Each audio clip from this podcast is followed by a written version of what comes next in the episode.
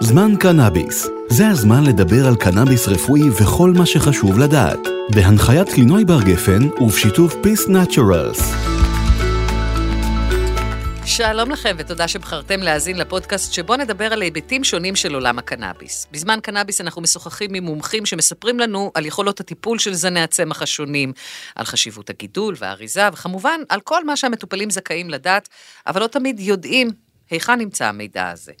בפרק הזה אנחנו רוצים להתמקד במיתוסים על קנאביס. קשה להעלות על הדעת איזשהו נושא שזכה ליותר סיפורים וסטיגמות ו- ומיתוסים שונים מקנאביס. ההיכרות האנושית עם הצמח אולי התחילה לפני אלפי שנים, אבל המחקר בתחום עדיין בחיתוליו, מה שמשאיר סימני שאלה רבים, שלא אחת משולבים עם דעות קדומות והנחות שגויות.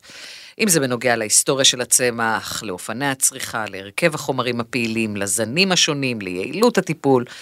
דוקטור יהושע שוקי אבירם, מנהל המחקרים הקליניים בסייקי, מצטרף אלינו היום כדי לעשות סדר בדברים ולעזור לנו להבין מה מהמיתוסים שאנחנו מכירים נכון ומה לא.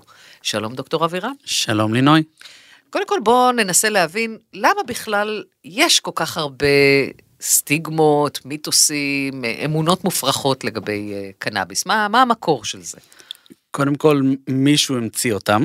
Obviously. אמ, אני מניח שהייתה לו איזושהי, היה, היה לו איזשהו אינטרס להמציא את המיתוסים האלה, אה, כמו שהיה היציאה של הקנאביס מהרגולציה האמריקאית.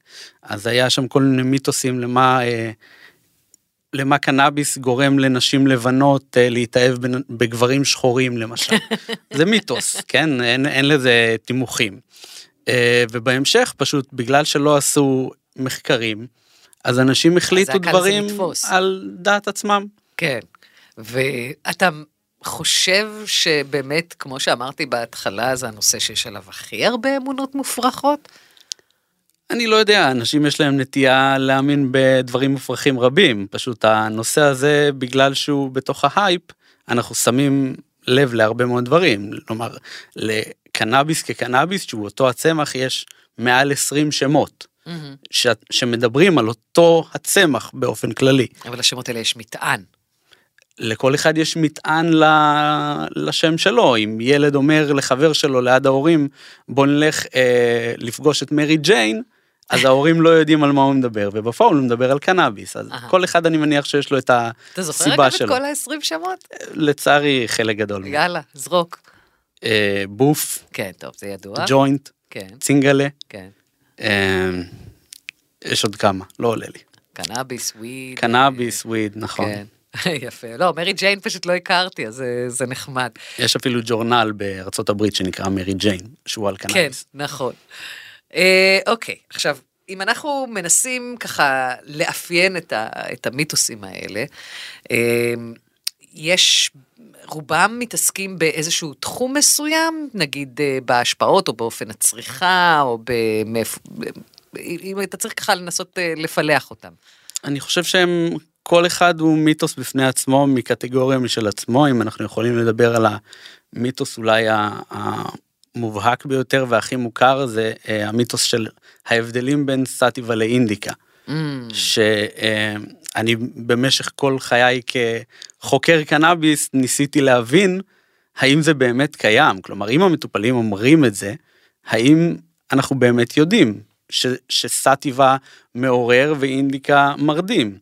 אה, אפילו בספר הירוק בנוהל 106 של משרד הבריאות בישראל יש טבלה שמראה מה ההשפעות של סטיבה ומה ההשפעות של אינדיקה, כלומר זה בא ממקור ממשלתי ידוע אה, שאתה אמור לסמוך עליו שהרופאים עובדים לפיו, אפילו הרופאים כשהם רושמים בישראל סוג קנאביס הם רושמים מה אחוזי ה-THC מה אחוזי ה-CBD אבל הם גם חייבים להגיד נכון, סטיבה או אינדיקה. נכון. אוקיי? אבל בסופו של דבר אין לנו שום ידע על הדבר הזה גם אותה הטבלה בספר הירוק אין לה שום רפרנס אין שום אה, מקור ידע שאומר את הדבר הזה והראה את זה. זאת אומרת זה יכול להיות נכון כמו שזה יכול להיות מופרך לגמרי. נכון אני מסכים. מה דעתך? אה, דעתי ש, שבעצם קודם כל דעתי מבוססת על מחקר אז היה מחקר ממש לאחרונה שבדק. הרבה זנים שנכתב על האריזה שלהם סטיבה והרבה זנים שנכתב על האריזה שלהם אינדיקה ומצא שאין הבדל גנטי ביניהם. כלומר, בסופו של דבר זה אותו הדבר. יכול להיות שגם דיווחים באמת של אנשים, משתמשים, שטוענים להבדל, קצת נשענים על הרצון שלהם להאמין שיש אה, אז הבדל, שיש פה איזה אפקט פלסיבו? אז הר- הרבה בקנאביס הוא מבוסס אה, case study, דיווח מקרה. אני לקחתי אה, שמן ריק סימפסון, נרפאתי מסרטן העור, אז אני קושר אז בין אני השניים. אומר ששמן ריק סימפסון מרפא סרטן העור. כן, למרות שזה קשר נסיבתי ולא בהכרח קשר נסיבתי סיבתי. ויחידני, ויכול להיות שלאותו בן אדם זה היה נכון, אבל בשביל להוכיח טענה שכזו, שמשפיעה כל כך באופן רחב על כל כך הרבה אנשים, אז אי אפשר לבוא ולהגיד על, על פי בן אדם אחד. אם נחזור לעניין של הקאנים, הסטטיבה והאינדיקה, אני עשיתי מעקבים כבר על אלפי מטופלים, חלק מהמטופלים אומרים שסטיבה מעורר אותם, וחלק מרדים אותם, חלק אינדיקה מעורר אותם, אינדיקה מרדים אותם, אבל בסופו של דבר מה שעושה את ההשפעה עלינו כבני אדם, אם אנחנו מדברים מבחינה פרמקולוגית, זה חומרים פעילים שנכנסים לנו לדם ונקשרים לרצפטורים קולטנים בגוף שלנו. הגוף, של, הגוף שלנו? לא יודע אם זה סטיבה או אינדיקה שנכנס לגוף שלנו, הוא יודע חומרים שנקשרים לרצפטור. אז חלק מהמטופלים זה ישפיע עליהם ככה וחלק ככה, כנראה בגלל החומרים הפעילים. עכשיו אותו המחקר שאני ציינתי גם בדק האם יש הבדל בחומרים הפעילים. אז קודם כל בריכוזי הקנבינואידים אין הבדל בכלל. בין סטיבה ואינדיקה אז כבר ירדנו מהעניין שאולי לסטיבה יש יותר THC ולאינדיקה יש פחות אז זה נעלם. כן ראו שינוי מאוד מאוד לא משמעותי ברמות הטרפנים שקיימים. שזה חומרים נוספים שקיימים שהם בעיקר חושבים שיש להם טעם וריח אבל היו כבר מחקרים יותר על חיות שהראו שיש גם השפעה ביולוגית שלהם. אוקיי אבל ממש שינויים מינוריים. להגיד שזה ההבדל בין סטיבה ואינדיקה סקצ'י קלוש קצת. קלוש. אוקיי, אז כבר עזרת להפריח, להפריך מיתוס אחד, שאפילו לא היה ברשימה שלי, שזה התנדבות ראויה. אה, בוא נלך אה, למיתוס נוסף. קנאביס גורם להתמכרות. שפה כבר, אה, אני רואה, אתה יודע, לפעמים בוויכוחים על זה, יש את אלה שאומרים, לא, ההתמכרות היא התמכרות רגשית, זו לא תלות פיזית בחומר. לעומתם כאלה שבאים ואומרים, לא, אנחנו מוצאים שכן יש התמכרות אה, פיזית, ויש כמובן את אלה שטוענים לא זה ולא זה. אוקיי, אז, אז יש לזה כמה היבטים. קודם כל, יש אנשים שמתמכרים למלא דברים, לטלוויזיה, מתמכרים לריקודים, מתמכרים להרבה מאוד דברים אה, שהם לאו דווקא טובים להם, מתמכרים להימורים. האם אה, זה אומר שהימורים אה, ימכרו את כולם וצריך לאסור את ההימורים בעולם? לא, צריך לדאוג שאותם האנשים שמתמכרים לא, לא יהיו חשופים לא לאותו הדבר. זה, אבל אתה לא יכול לדעת את זה מראש. אז זהו, שיש שאלונים. להרבה מהדברים האלה, נאמר לאופיאטים, אה, תרופות מבוססות מורפיום לכאבים, יש שאלון לרופאים שהם ממלאים אותו לפני שהם נותנים לרופא אופיאט, למטופל שלהם אופיאטים, אה, בשביל לאמוד האם הוא אה, מכור או לא, או שיש לו אה, איזשהו בסיס לתלות. הבעיה היא שהשאלונים האלה שמכוונים לקנאביס, אלו שאלונים שהם בדרך כלל אה, מבוססים על שימוש חברתי רקריאיישנל של קנאביס, אוקיי? ואז מה נוצר? אני ב- ב- במחקר הדוקטורט שלי ניסיתי באמת לעקוב אחרי השאלון הזה על מעל אלף מטופלים, ונוצר מצב שיצא לי ש-90% מהמטופלים שבמחקר שלי מכורים לקנאביס. בסוף לא, לא הכנסתי את השאלון הזה כי הבנתי שהוא לא מהימן. מה הכוונה? יש שם אחת השאלות בשאלון אומרת האם הקנאביס עוזר לך לשינה. אוקיי? ואם אנחנו מדברים על אדם שהוא לוקח את הקנאביס באופן חברתי, וזה עוזר לו לשינה, זה אומר שיש פה איזושהי... אה, זה קצת פעילות אנטי-חברתית שינה. בדיוק, ש, שימוש לרעה. כן. אבל אם מטופל שבמקרה שאנחנו מדברים עליהם, כמו מטופלים עם טרשת נפוצה, מטופלים עם כאב, מטופלים עם פרקינסון, אנחנו רוצים לטפל בהם באופן כוללני. ברוב המקרים... אנחנו רוצים שהם ישנו יותר טוב. אנחנו רוצים שהם ישנו יותר טוב. בתחום של אה, כאב ושינה, שזה היה התחום במחקר שלי אה, בתזה, יש vicious cycle, מעגל אכזרי, שאם אתה לא ישן טוב, אתה גם כואב לך יותר, וזה כל יום רק מחמיר יותר ומתחבר ביחד עם חרדה ודיכאון, כל הדברים האלה. אז אם כבר יש לנו יכולת גם לטפל טיפה בכאב של המטופל וגם לטפל בשינה שלו, אני חושב שזה משהו חיובי, אבל עד שלא יהיה לנו כלי שהוא מהימן לבדוק התמכרות במטופלים, אנחנו לא יכולים. יש איזושהי טענה ש... 9% מהמטופלים בקנאביס, או מצרכני הקנאביס יותר נכון, התמכרו לקנאביס. זה מבוסס על מחקר על אה, צריכה של אה, קנאביס באופן חברתי. אבל מה זה אומר בעצם התמכרות לקנאביס? ש, שהבן אדם בעצם לא מסוגל לתפקד uh, ביומיום שלו בלי לצרוך קנאביס, שהוא רוצה לא לצרוך יותר קנאביס, אבל לא מצליח uh, להשתחרר מה, מהתלות, כי, כי... זה בעיקר אומר ש, שיש לו הת, הת, אה, התנהגות שהיא abuse, שהוא uh, ילך להרבה רופאים כדי להשיג את הקנאביס, יגנוב, uh, וזה ישפיע על איכות החיים שלו ושל משפחתו, והוא יגיע ל... Uh, לסמים אולי קשים יותר, והוא אה, יגיע לבית כלא, כל הדברים שאתה לא רוצה רגע, שבן אדם יגיע. לי הייתה תרופה שהייתה עוזרת לי אה, ל- להתנהל עם מחלה מסוימת, גם אם לא לפתור אותה, אה, ולא הייתי יכולה להשיג אותה בקלות, האם הייתי פורצת, האם הייתי הולכת להרבה רופאים, האם הייתי עושה את כל הדברים האלה? כן, בוודאי שהייתי עושה את זה. גם הייתי עושה את זה בשביל אוכל. אז, אז למה זה נחשב לאביוז? זו, זו פשוט התפיסה. זו פשוט התפיסה, אבל אני גם בדעה שלך, שאם אנחנו אני מדברים... אני לא רוצה יותר להשתמש בזה, ואני לא מצליח לעצור את, ה, את עצמי מלהשתמש. אותו דבר, האם מישהו שלוקח תרופה ללחץ דם גבוה, ונפסיק לו אותה, ויחזור לו הלחץ דם, האם הוא מכור לתרופה? לא, זה הטיפול שלו למצב כן. הקיים. אם יש לו כאבים כרוניים, כאבים לא יעברו, הפריצת דיסק לא תעבור, הרגל הקטועה לא תגדל פתאום, הוא עדיין צריך את הטיפול שלו לכאבים. אז אם נפסיק לו את זה ויכאב לו בגלל שאין לו קנאביס, האם הוא מכור? לדעתי לא. אז אם אנחנו מחדדים את השאלה, ואנחנו מגדירים מכור כאדם שמשתמש בדבר מה שלא מסייע לו לבעיה שלשמה הדבר הזה נועד לתת מענה, והוא רוצה לא להמשיך להשתמש בזה, אבל הוא לא מצליח. אה, אז, האם אנחנו יכולים לומר שקנאביס הוא דבר ממכר? יכול להיות, אני חושב שזו הגדרה שבאמת צריך לחשוב עליה, וזו הגדרה שצריכה להיות שונה בין מטופלים לבין שימוש חברתי. Mm-hmm. אם אדם משתמש באופן חברתי והוא לא באמת צריך את זה, וזה פוגע לו בתפקוד היומיומי והוא לא יכול ללכת לעבודה, או הסינדרום המוטיבציה שיש לחלק מהילדים שמתחילים ואין להם כוח לעשות שיעורים או דחיינות, כל מיני דברים כאלה שמדברים עליהם בהקשר לקנאביס. שיש את זה והוא לא מעשן כלום. יכול להיות, כן. אבל ל, ל, הרבה פעמים מייחסים את זה לאלו שמעשנים קנאביס כן. בגלל הקנאביס. אז אולי כן, אבל בהיבט הרפואי, אני לא חושב שהייתי מסתכל על זה כמכורים. אוקיי, מיתוס נוסף, קנאביס פוגע במוח ובזיכרון. מיתוס מעניין. כן. אה, היו דווקא מחקרים ממש מעניינים שהראו שדווקא התפקוד הקוגנטיבי של חלק מהמטופלים לאורך זמן משתפר.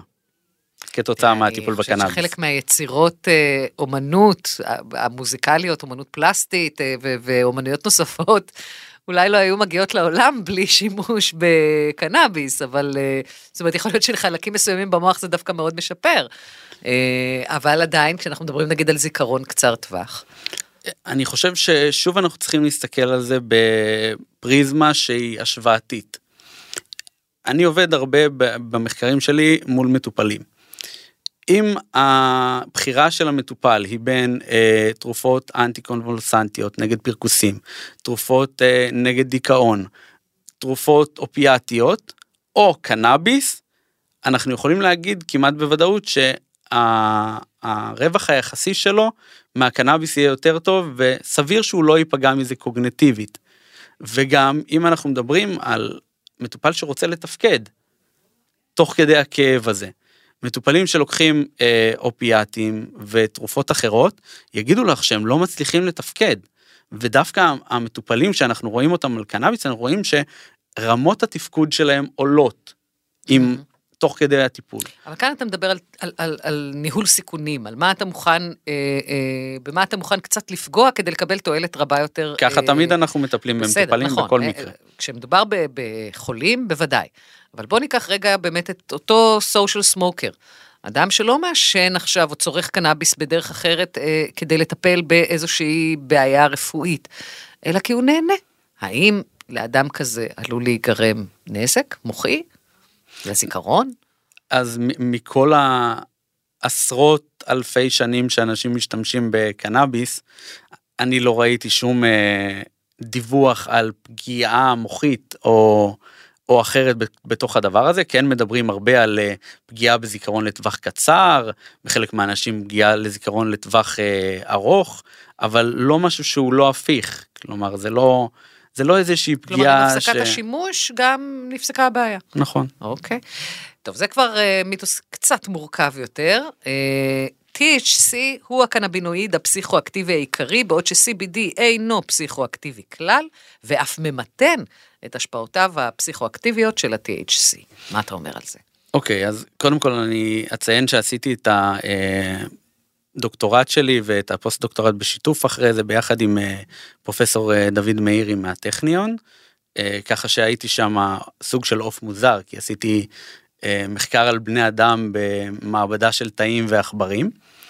אז במחקר שלי בעזרת היכולות של המעבדה שבעצם יש להם יכולות לבדוק מעל 140 קנבינואידים ומעל 90 טרפנים אז שילבתי את היכולת שלי לדבר עם מטופלים ולאסוף מהם מידע קליני עם הידע של המעבדה. כלומר, ידעתי מה הסוגי קנאביס שהמטופלים צורכים, כמה הם צורכים מהם בחודש, והיה לי את הבדיקות של כמה אחוז מכל אחד מהחומרים הפעילים שיש בתוך הקנבינואידים האלה. עכשיו, לבוא ולהגיד ש-THC הוא החומר הפעיל העיקרי, זה גם בעייתי, כי אנחנו מדברים פה על... זה פשוט החומר שזיהינו. שזיהינו זיהינו אותו ראשון, ואחרי זה זיהינו CBD, כי הם פשוט היו באחוזים יותר גבוהים. פעם היה מאוד קשה לזהות חומרים שהם בריכוזים נמוכים, לא כמו היום. אה, אז זה, זה, זה סוג של החלטה שרירותית, בכלל, באופן כללי, לבסס טיפול בתרכובת של 400 חומרים על שני חומרים בגלל שהם בריכוז גבוה יותר, זה כמעט בוודאות לא נכון, כי זה ניחוש, mm. אוקיי? זיהו לא מזמן אה, באחת המעבדות באיטליה, אה, מולקולה שנקראת THCP. עכשיו, אותו ה-THCP הוא נמצא בריכוז יחסית נמוך ב, אה, בקנאביס, אבל הוא משפיע על הרצפטור של הקנבינואידים, CB1 במקרה הזה, שבמוח, פי 33 יותר חזק מ-THC. כלומר, לבוא ולהגיד ש-THC זה בעייתי. עכשיו, גם ניסו לעשות, היו מחקרים רבים שבדקו איך אנחנו לוקחים את ה-THC הזה, הופכים אותו לסינתטי, שמים אותו כן. בכדור, יש כבר ש, אה, שתי תרופות מאושרות כאלה. אחת היא מרינול ואחת היא דרונבינול, שהן לא מאושרות בישראל, אבל קנדה, ארה"ב, היא קיים, קיימות ומאושרות לבחילות מהקאות, אה, בחילות והקאות מכימותרפיה, אה, שבארץ זה לא קיים. לקחו אותם וניסו להוכיח, כי השוק הזה הוא מאוד קטן, השוק של הבחילות והקאות בכימותרפיה, ניסו להוכיח אותם לטיפול בכאב. וההשפעה הייתה כל כך קטנה קלינית, שזה פשוט לא היה שווה להם והם לא קיבלו אישור מה-FDA לקבל אה, ולתת את הטיפול הזה למטופלים. ועדיין הוא מאושר לאותה התוויה שאני אמרתי קודם. אז אנחנו מסיקים מזה שכנראה... אז אנחנו מסיקים מזה ש-THC זה לא. ולא... ואז באה חברה אחרת שאמרה, אני לוקחת זן שהוא עשיר ב-THC, זן שהוא עשיר ב-CBD, מרכזת אותה, מחברת את ה-THC וה-CBD ביחד ונותנת אותו בספרי, קוראים לתרופה הזאת סאטיבקס, היא מאושרת אה, גם בישראל לספסטיות מטרשת נפוצה. לא לכאב מתרשת נפוצה. כן. וגם הם, בגלל הגודל... ספסטיות נאמר רק למי שממאזיננו שלא יודע, זה נוקשות, ככה, אפשר לקרוא לזה נוקשות, זה עווית השריר בתרגום הישיר לעברית. אבל זה בעצם מין נוקשות כזו, תחשבו רגע, תדמיינו לכם בראש, תעשו שריר נגיד נורא נורא חזק ביד, ועכשיו תנסו לקפל וליישר את היד, נכון שזה נורא קשה? אז זה מה שקורה לאנשים עם ספזם. נכון, את צודקת. אה, אז בעצם גם את התרופה הזו שיש בה גם THC וגם CBD ניסו להוכיח שהיא יעילה לכאב בגלל שזו אוכלוסייה מאוד גדולה ובמידה ואתה מקבל אישור לטפל בה אז אתה יכול להרוויח הרבה מאוד כסף. והם גם לא הצליחו בדיוק אותו דבר כמו ה-THC לבד. ואז שבאו ועשו מחקרים על הפול ספקטרום על כל הקנאביס כתפרחת בשמן או באידוי הם הראו השפעה בערך פי שלוש מהתרופות המבודדות האלה. אז זה בא לספר לנו... ממש מתנגד לחברות תרופות, שיעשו ממנו דברים. לא, אתה, אי אפשר להחליט דברים בצורה שרירותית. כן, ברור. כן אנחנו יכולים עכשיו לנסות ואת כל אחד מהחומרים לבדוק באופן אישי, ואז אחרי זה לעשות קומבינציות ואז לבדוק אותם, אבל סביר שזה ייקח משהו כמו אלף שנים במחקרים קליניים. כן, וגם המחקרים האלה לא יקבלו אישור. אמ, בוא, בוא נעבור על, ה, על המיתוס אה, האחרון, לא, אתה יודע מה, יש עוד שניים שאני רוצה לגעת בהם. אה, הראשון, קנאביס הוא סם מעבר בדרך לסמים קשים, זה... אני חושבת שהיום אפילו הרשות למלחמה בסמים כבר לא טוענת את זה. אה, אבל עדיין איפשהו יש אה, עוד, עוד כמה קשישים שמאמינים שזה נכון. אה, אני, אני באמת לא יודע על מה זה מבוסס, זה איזושהי החלטה כי, שוב שרירותית. כי, בדיוק, כי בדרך כלל אנשים שעישנו סמים קשים התחילו בסמים קלים. אה, אבל בסדר, הם גם התחילו בסימילק. האם אנחנו טוענים שמי שצרך סימילק אה, הופך להיות נרקומן? בוודאי שלא, הקשר הוא נסיבתי, הוא לא סיבתי. זה ההבדל, ההבדל, כמו שאמרת, בין קורלציה לבין קשר, כלומר, לבין... אה, מתאם. מתאם. כן. אוקיי? בין הדברים האלה. אי אפשר לטעון את הדבר הזה כי אין אה, נתונים שמראים את הדבר הזה. אה, ו... במידה ורוצים לטעון את זה אז צריך לעשות מחקר שבודק את זה. אני יכול להגיד לך שבמחקרים שלי כבר היו מעל כמה אלפי מטופלים ואף אחד מהם לא עבר אה, לשום סם לשום אחר. סם אחר. אה, ואחר... אם כבר הם הפסיקו את ה... כן? שאר הסמים דרגס, התרופות, כן, התרופות כן, שהם כן. צרכו בגלל דברים אחרים. בעברית עשו בידול בין שני נכון. המונחים, באנגלית לא. אה, והאחרון, חייבים לעשן את הקנאביס הרפואי כדי שהטיפול יהיה יעיל. Uh, התשובה היא לא. כמו שאמרתי, הטיפול מגיע לדם שלנו בצורה מסוימת. העישון כשלעצמו הוא לא בריא. אוקיי? עישון מגיע uh, לשריפה בטמפרטורות של בין 600 ל-800 uh, מעלות צלזיוס, ונוצרת שריפה. ברגע שנוצרת שריפה, נוצרים חומרים שהם מזיקים לגוף שלנו, uh, והם מסרטנים. אה, וזה בטוח לא דרך שרופאים היו רוצים להמליץ על הטיפול המטופלים שלהם, שמצד אחד הוא אולי יעשה להם טוב בטווח הקצר, אבל אולי יגרום להם למחלות אה, קשות בהמשך. אז יש היום לא מעט דרכים לצרוך את הקנאביס, אחת היא שמן, אה, שיש לו את היתרונות שלו והחסרונות שלו, השמן פועל מאוד מאוד לאט, מגיע לרמה בדם אה, מקסימלית ולהשפעה בין שעה לשלוש אחרי הצריכה, mm-hmm. אה, ואפילו אם הוא אה, נלקח תת-לשונית, ההשפעה היא עדיין מאוחרת כי הקנאביס לא נספג מתחת ללשון, למרות ששוב זה מה שנטען. אה, בתוך הדבר הזה ככה שהוא נספג אה, במערכת העיכול יש בדרך הזאת יותר תופעות לוואי אה, של מערכת העיכול בגלל הצריכה דרך מערכת העיכול והשמנים שמצורפים בתוך הדבר הזה. אידוי היא דרך הרבה יותר מומלצת כמובן בגלל ה... ה... פשוט שאין שריפה של החומר הפעיל וזה לא עובר דרך מערכת כן, העיכול והשפעה מהירה יותר. דוקטור שוקי אבירם, השכלנו, תודה רבה לך. תודה רבה לינוי. ועכשיו נעבור לפינתנו מידע מועיל למטופל המתחיל, שתגיש לנו רוני כץ עמיחי, סמנכ"לית שיווק ומכירות של קרונוס ישראל. מידע מועיל למטופל המתחיל, והפעם, מה ההבדלים בין סוגי הרישיונות לקנאביס רפואי, ואיך נקבע איזה רישיון נקבל. שאלה שהרבה מטופלים בקנאביס רפואי שואלים היא, אוקיי, קיבלתי רישיון לטיפול בקנאביס רפואי מסוג תפרחת או שמן, או משולב תפרחת ושמן, אבל מה בעצם ההבדל בין סוגי הרישיונות האלה? ולמה קיבלתי דווקא את הסוג הזה? רישיונות הקנאביס הרפואי בארץ ניתנים יחד עם ציון אחוז החומרים הפעילים בקנאביס, כלומר אחוז ה-THC וה-CBD, אותו המטופלים רשאים לרכוש בבית המרקחת. בנוסף, על גבי הרישיון מצוינת גם דרך הטיפול המומלצת, אידוי, עישון או טיפות. אבל כאן חשוב לציין שלרוקח יש את היכולת לנפק לכם קנאביס רפואי בצורת שמן, גם אם ברישיון כתובה המלצה אחרת. חשוב לדעת שמי שהמלצת הטיפול שלו היא קנאביס רפואי בתפרחת, יכול לקבל שמן במקום, אבל מי שמקבל שמן לא יכול לקבל במקומו תפרחת.